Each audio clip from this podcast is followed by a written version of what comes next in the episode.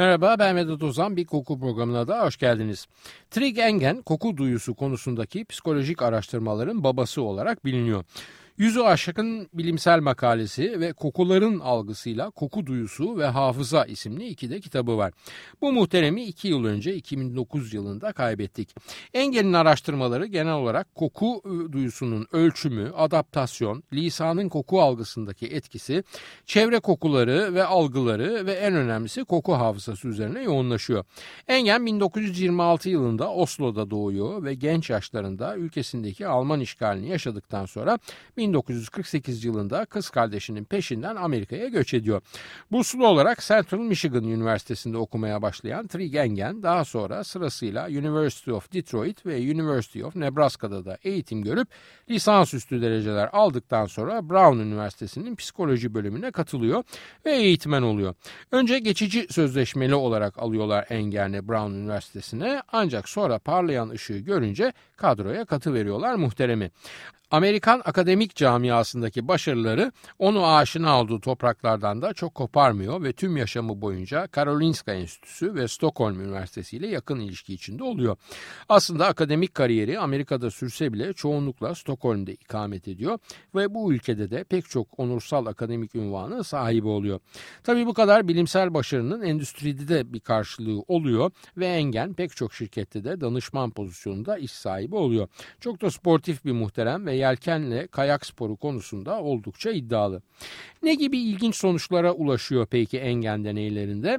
Örneğin renklendirilmiş bir sıvıyla renksiz bir sıvı arasındaki aslında olmayan koku farkını var gibi algıladığımızı anlamamız Engen'in çalışmaları sonucu ortaya çıkmış bir gerçek. Zaten bundan sebep piyasada rastladığınız pek çok parfüm içindeki kokulu maddelerden ayrı olarak renklendiriliyor. Çünkü koku algımız o renge bağlı olarak yanılabiliyor ve yönlendirilebiliyor.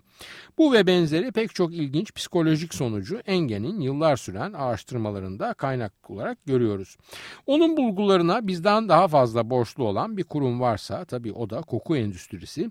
Zira onlar da koku algısına hitap ederek hatta onunla oynayarak ve yönlendirerek bize daha fazla ürün tükettirmeyi Engen'in ortaya çıkarmış olduğu saptamalar ışığında başarıyorlar. Hep diyorum endüstriye çıkar sağlamazsanız araştırmalarınıza fon bulamazsınız.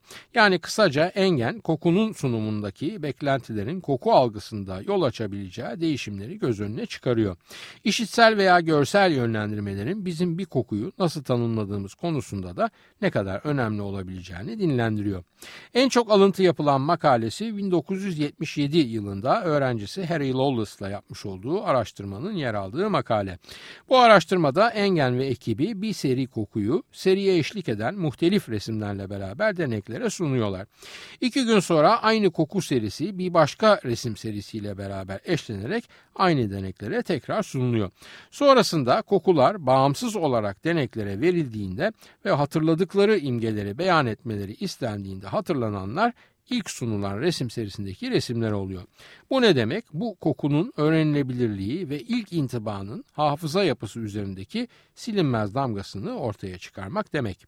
Bundan gayrı hafızayla koku algısı arasında yoğun araştırmalar yaparak koku duyusu aracılığıyla oluşmuş ve gene aynı duyu aracılığıyla uyarılan hatıraların diğer duyular aracılığıyla gündeme gelen hatıralardan farkını saptıyor Engen. Kısa dönem ve uzun dönem hafıza üzerinde kokunun etkisini somut verilerle ortaya çıkarıyor ve bu bulgular çevre ve ortam kokulandırma veya çevreyi ve ortamı kokudan arındırma konusunda endüstriye önemli bir yol gösteriyor.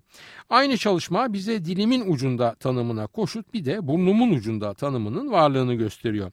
Neden? Çünkü denekler tanıdık bir kokuyu duyduklarında akıllarına gelen imgeyi net olarak tanımlamakta zorlansalar bile o tanımlayamadıkları imgeye ait anıya ilişkin duyguyu çok iyi bildikleri hissini yoğun olarak yaşayabiliyorlar. Karanfil diyemiyorlar ama baharat ve yenilebilir bir şey olduğunu söyleyebiliyorlar. Eğer karanfili seviyorlarsa da bunu geniş bir gülümseme eşliğinde yapabiliyorlar. Engen'in ölmeden önceki son günlerinde üzerine çalıştığı ancak yarım kalan araştırması ise çocukların kokuyu nasıl tanımladıklarıyla ilgiliydi ve çocukların kokusal deneyimlerinin semantik ifadelerinin koku ve dil arasındaki ilişkiye dair pek çok konuya ışık tutacağına inanıyordu. Ömrü vefa etmedi, tamamlayamadı. Eminim bir başkası onun çalışmasını kaldığı yerden ileri götürecektir. Koku duyumuzun biz insanlar için önemi tahmin ettiğinizden de büyük hep söylüyoruz bunu.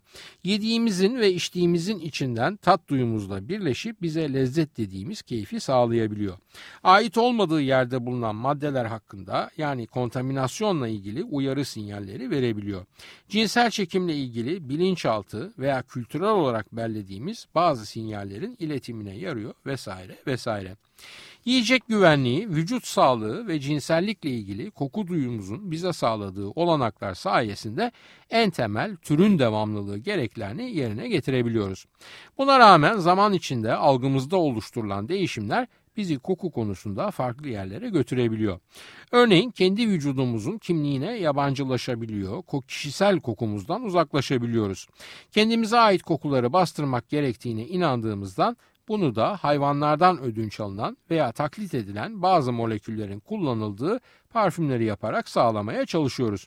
Yani kaba bir tanımla insan kokusunu bastırmak için hayvanın kokusunu kullanıyoruz. Bu biyolojik sinyalleri taşımanın yanı sıra kokular bizde işitme ve görme duyusunun bilinçli diyebileceğimiz kognitif mesajlarının ötesinde duygu yoğun hallere yol açabiliyorlar.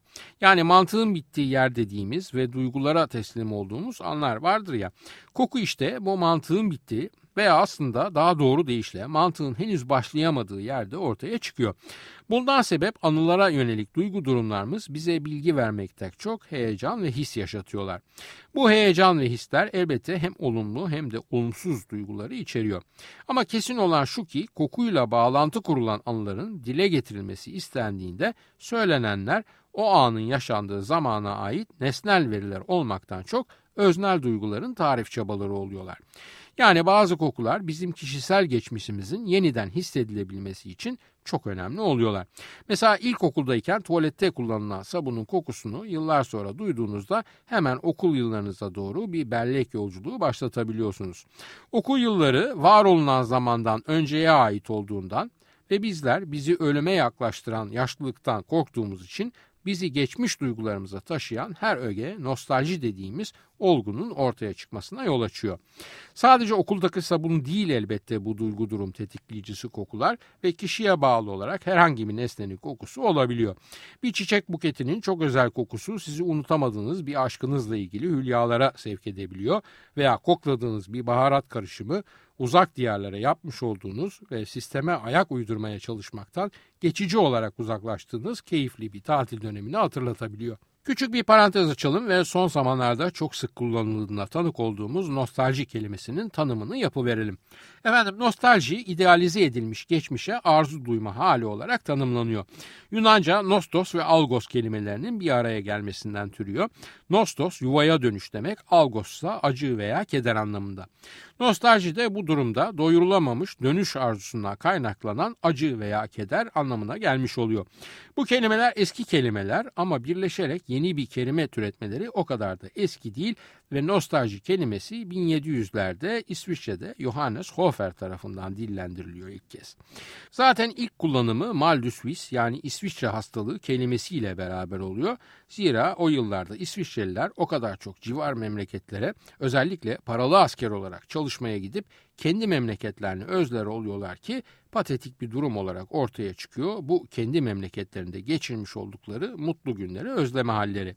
Kelimeyi türeten Johannes Hofer de tahmin edebileceğiniz gibi önce ruh ve sonrasında bedende tahribat yaratan bu duruma çözüm üretmeye çalışan bir doktor. Kısaca ilk saptanması bir hastalık olarak nostaljinin. O dönem klinik tanıda nostalji melankolinin bir başka formu olarak tanımlanıyor. İşin ilginci o ilk dönemlerde nostalji kelimesi zaman ve mekanı bir ederek sıla hasreti manasında da kullanılıyor. Hatta Oxford English Dictionary'de şöyle açıklanıyor bu kelime. Ev veya ülkeden uzun süre ayrı yaşamanın yol açtığı bir tür melankoli hali. Harvard Üniversitesi'nden Profesör Svetlana Boym da nostalji konusunda ilginç ve belki biraz sansasyonel bir tespitte daha bulunuyor ve Adem'le Havva'nın cennetten kovulmasından sonra yaşadıkları geçmişe özenme halinin bilinen ilk nostalji örneği olduğunu söylüyor.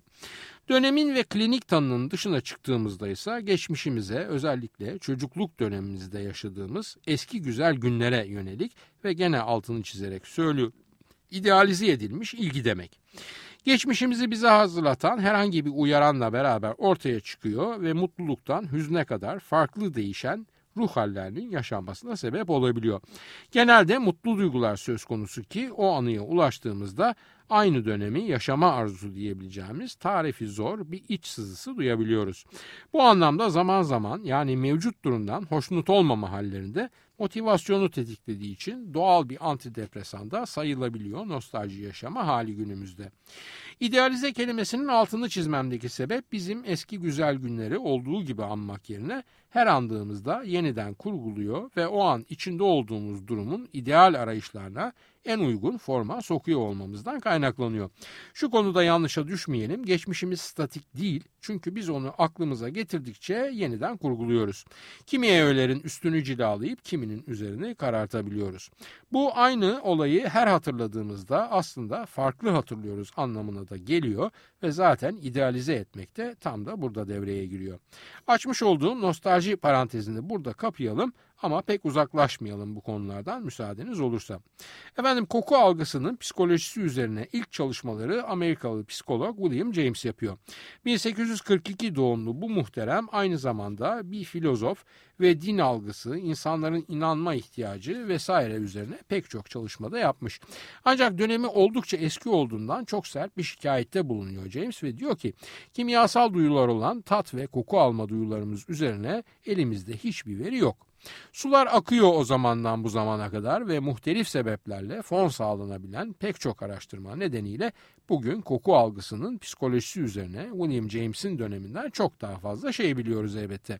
Bu konuda bildiklerimizin çoğunu da az önce dediğim gibi bahsetmiş olduğum Trig Engen isimli muhterem profesöre borçluyuz. 1965 yılında Brown Üniversitesi'nde profesörlük ünvanını edinen Engen'in isminden belki daha önce bahsetmemiş olabilirim bu yayınlarda. Ancak çok değerli bir takım deneyleriyle geçmiş yayınlarımızdaki pek çok konuyu anlatmamıza ve anlamamıza vesile olduğunu söylemem gerek. İlk yayınlarda kendisinden pek çok alıntı yapmış olduğumuz Rachel Hertz de zaten Engen'in öğrencisi olarak koku psikolojisi alanında çalışmalar yapmaya başlamış bir başka bilim insanı.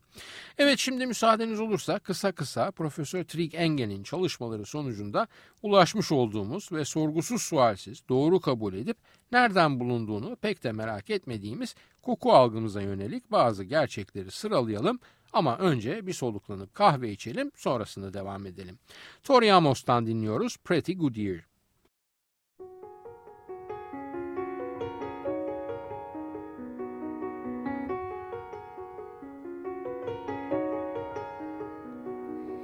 Tears on the sleeve of a man Don't wanna be a boy today heard the eternal footman Bought himself a bike to race And Greggy writes letters and burns his CDs They say you were something in those formative years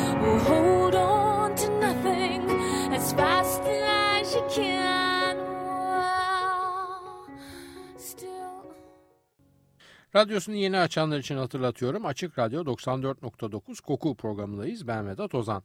Tori Amos'tan dinledik Pretty Good Year. Trigengen'in çalışmaları ışığında ortaya çıkan ve doğru kabul ettiğimiz bazı koku dünyası gerçeklerine göz atıyoruz.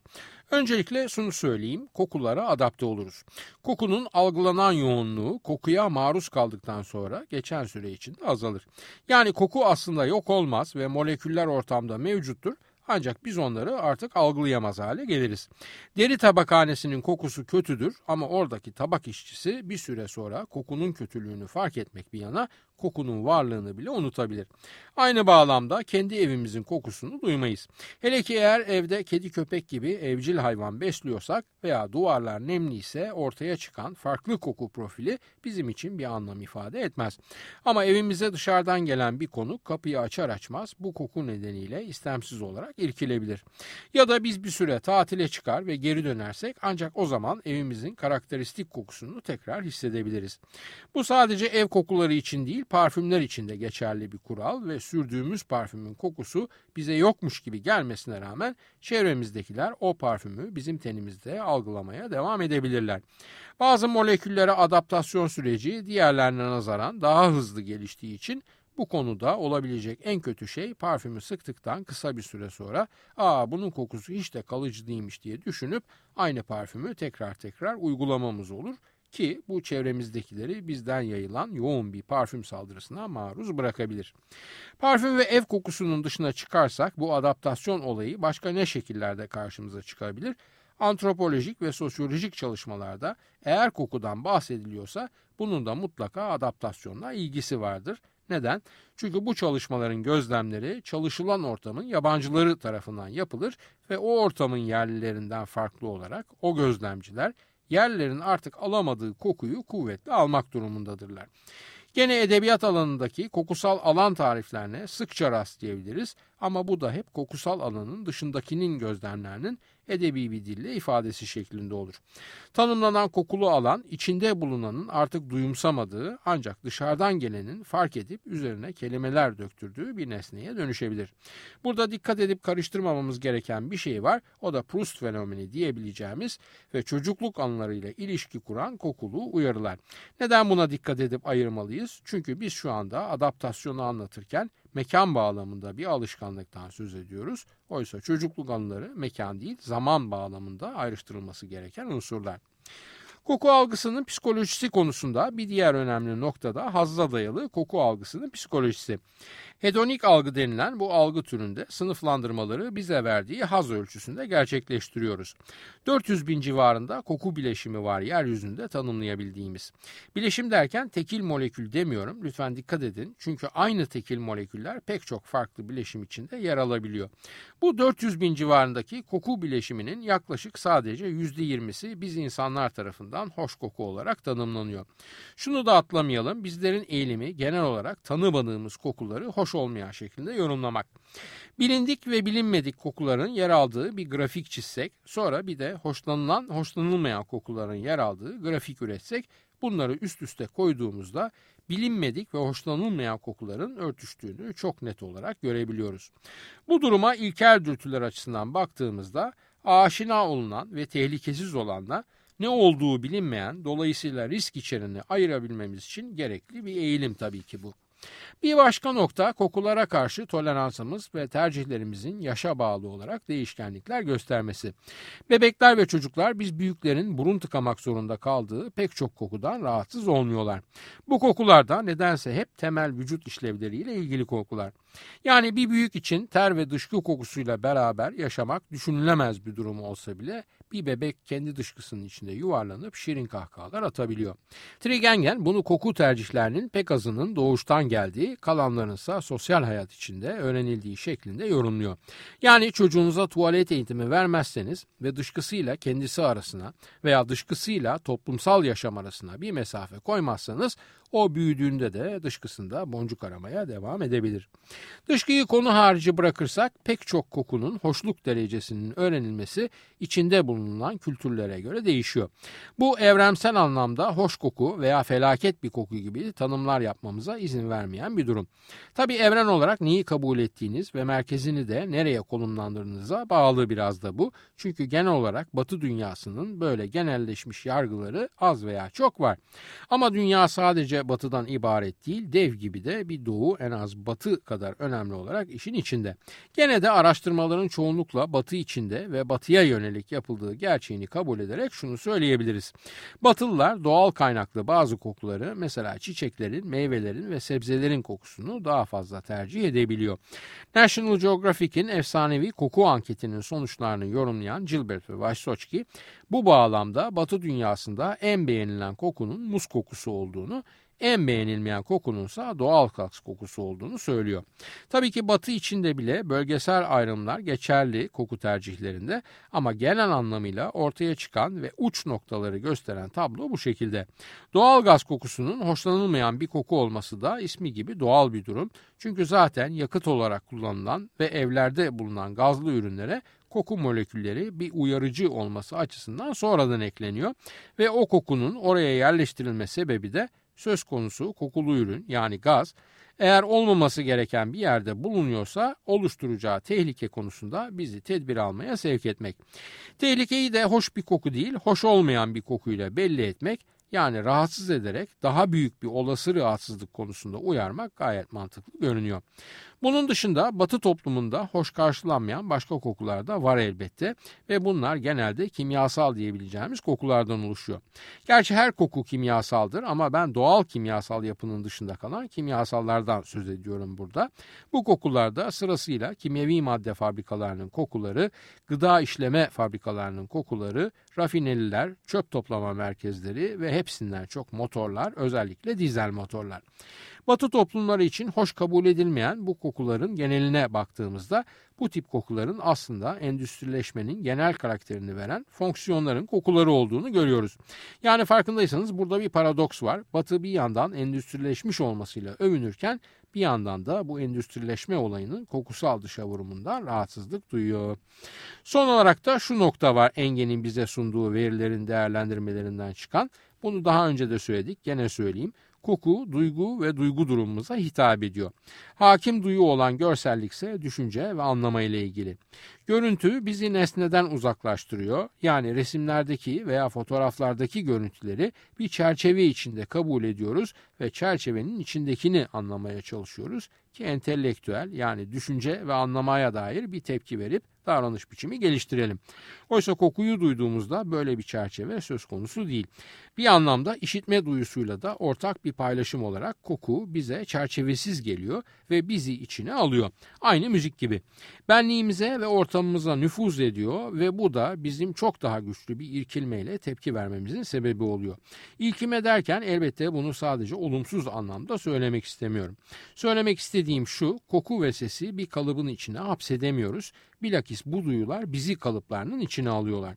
Ortamımızda var oldukları andan itibaren onlarla birlikte yaşamaya başlıyoruz. Bir odaya girip o odanın duvarlarındaki bir resmi veya bir nesneyi görememiş olabiliyoruz. Ama eğer duyusal algılarımız olağan işlevlerini sürdürebiliyorlarsa, yani normal bir işitme ve koklama düzenimiz mevcutsa aynı odadaki ses ve kokuyu es geçmemiz, atlamamız imkansız. Bu ne demek? Bu kaçınılmaz bir uyaranla karşı karşıyayız demek. Bu uyaran bizim bellek ve duygularımızı da gene kaçınılmaz bir şekilde etkiliyor. Koku içeren anılar da bu nedenle beynimize dövme yapılmış gibi kazınıyor. Sir Fitzroy MacLean İskoçyalı bir subar, yazar ve politikacı. İkinci Dünya Savaşı'na er olarak katılıp Tubay komutanlığına yükselebilen ender şahsiyetlerden biri. Sovyet kontrolündeki Orta Asya'ya sık sık seyahat eden, savaş sırasında da Yugoslavya'da Tito ve Yugoslav partizanlarıyla beraber Almanlara karşı savaşan ama bunu yaparken de geçici yol arkadaşları partizanların ideolojisiyle çatışmaktan geri durmayan aslında askeri görev olarak da düşman hatları gerisindeki komando operasyonlarından sorumlu ilginç bir kişilik. McLean'i isim olarak tanımıyor olabiliriz ancak onun temsil ettiği maceracı figüre muhtemelen aşinayız çünkü Ian Fleming'in yazdığı James Bond karakteri büyük ölçüde McLean'den ilham alınarak oluşturulmuş bir karakter. Bu muhterem aynı zamanda bir yazar dediğim gibi ve yaşadığı oldukça hareketli hayatı anlattığı muhtelif kitapları var. Bu kitapların en bilineni Eastern Approaches yani Doğu yaklaşımları. Müsaadeniz olursa şimdi Eastern Approaches'tan bir paragrafı gücüm yettiğince Türkçeleştirerek size aktarmak istiyorum. O zaman ondan sonraki iki buçuk yıl boyunca hayatımın arka planını oluşturacak olan kokuyu fark ettim. Daha önce duyduğum herhangi bir kokuya benzemiyordu ve muhtelif kokuların karmaşık birlikteliğinden oluşuyordu. Çarlık Rusyası'na seyahat edenler hep anlatırlardı. Buraların kara ekmek, koyun yünü, vodka ve yıkanmamış insan vücudundan oluşmuş bir kokusu vardır diye. Şimdi ise bu Çarlık Rusyası kokusuna petrol, dezenfektan ve Sovyet üretimi sabunun kokusu eklenmiş. Bütün bu birbirine eklenmiş karmaşadan oluşan koku Kremlin'den tutun Sibirya'nın en ücra köşesindeki bir konaklama biriminde bile karşınıza çıkabiliyor. Rusya'dan ayrıldıktan sonra bu kokuyu Rus göçmenlerin olduğu mahallelerde bir iki kez daha duydum. Dışarı göçen Ruslar sanırım ülkelerinin kokularını da beraberlerinde taşıyorlardı. Sonradan duyduğum bu koku bana o yılların anılarını en canlı şekilde yaşattı diyebilirim. Haftaya bir başka kokuda buluşmak üzere. Hoşçakalın diyorum efendim. Soru, öneri, eleştirileriniz için e-posta adresimiz kokuprogrami.yahoo.com Yayınlarımızda adı geçen konulara ilişkin görselleri az sonra facebook.com Taksim Vedat Ozan Koku adresinde de görebilir. Yorum ve sorularınızı oraya da yazabilirsiniz. Ben Vedat Ozan, radyonuz kokusuz kalmasın sevgilerimle.